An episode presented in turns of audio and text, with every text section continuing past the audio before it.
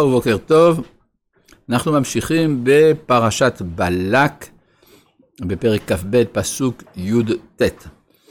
לגבי הנבואה של בלעם, אז הרבה דברים נאמרו בחז"ל על נבואתו של בלעם. אחד מהם, בלע... משה יודע, אינו יודע מי מדבר עמו, בלעם יודע מי מדבר עמו. אחת המשמעויות של הדבר הזה, לכאורה זה נותן יתרון לבלעם על פני משה. על מה המשמעות שאינו יודע מי מדבר עמו, יודע מי מדבר עמו? הרב אשכנזי היה מסביר שהכוונה שבלעם מתנבא מכוח בלעם עצמו, כלומר מכוח שורש הנשמה שלו בעולם העליון, מבלעם מגיעה נבואה אל בלעם. בסופו של דבר, הנבואה של בלעם נמצאת במעגל סגור בתוך הבריאה. לעומת משה שמתנבא נבואה מן האינסוף. לכן, נבואתו יותר עליונה, ולכן אינו יודע מי מדבר עמו, כי זה למעלה מהסדר. אני קורא כאן בפסוק י"ט, ועתה שבו נא בזה, גם אתם הלילה, וידעה מה יוסף השם דבר עמי. זאת אומרת, למרות שהוא אומר, אה, זה לא יעזור, אפילו ייתן לי מלוא ביתו כסף וזהב, בכל זאת אני לא אוכל לעבור על פי השם, אבל תשבו. זאת אומרת, הם מבינים את זה כלחץ שינת, שייתן כסף וזהב. והוא מתכוון ברצינות, שהוא צריך לדעת מה השם אומר. ויבוא אלוהים אל בלעם לילה, ויאמר אלוהים לקרוא לך באו אנשים, קום לך איתם, ואך את הדבר אשר אדבר אליך, אותו תעשה. עכשיו, איך להבין את הדבר הזה? זה די דומה, הרי פה מדובר על כיליון האומה הישראלית, וזה לא הפעם הראשונה שזה קורה, זה קורה גם עם משה במעשה העגל. במעשה העגל הקדוש ברוך הוא אומר למשה, ועתה אני חלי ואכלם. גם פה הקדוש ברוך הוא אומר לבלעם, אתה רוצה, תלך, לכלות אותם. אז כך שיש פה דמיון מבחינת האפשרות שמוצגת לפני הנביא, ואצל משה הוא הבין שמדובר בניסיון לא, כן? כלומר, אני חלי ואכלם, אומרים חז"ל, מה זה אני חלי? סימן שאתה יכול לא להניח לי. כלומר, הוא רמז לו, תעצור אותי. זה כמו שמישהו אומר, תתפסו אותי. תתפסו אותי, הוא מתכוון שיתפסו אותו.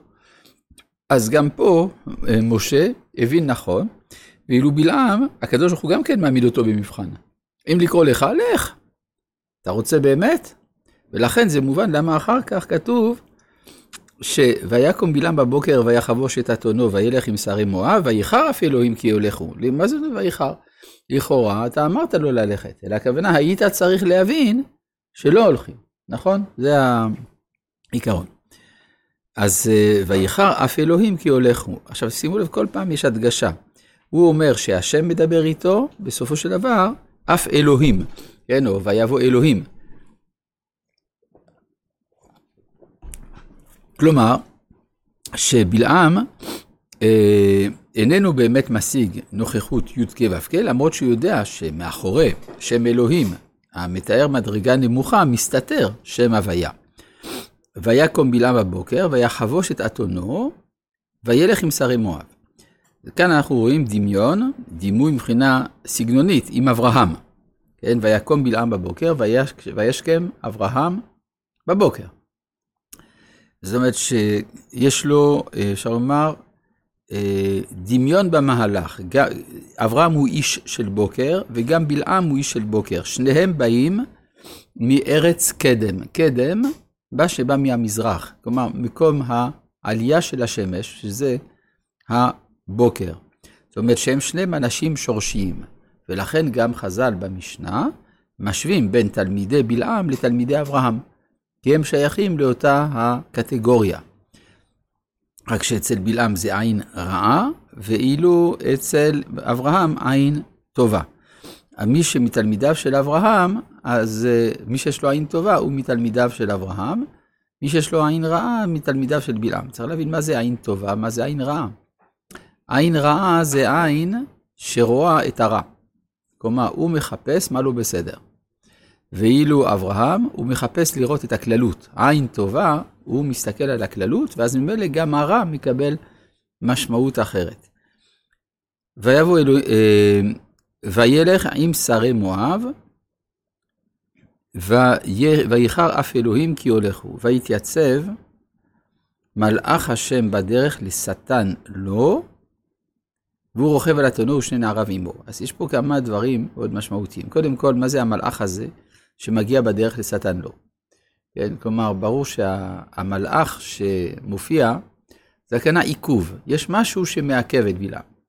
משהו שמעכב, כלומר, כשאתה בא להילחם בישראל, אז יש uh, קפיצת מדרגה מכליונה של אומה בין האומות לבין כליונה של אומה שהיא נצחית במהותה.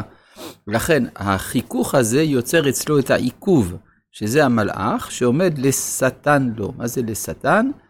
ל, אה, ל, ל, להסטות אותו מדרכו, כן? שטן מלשון סטייה. והוא רוכב על אתונו. מה זה רוכב על אתונו? יש בדרך כלל אצל אברהם נאמר רוכב על החמור, משה רוכב על החמור, כאן הוא רוכב על אתון.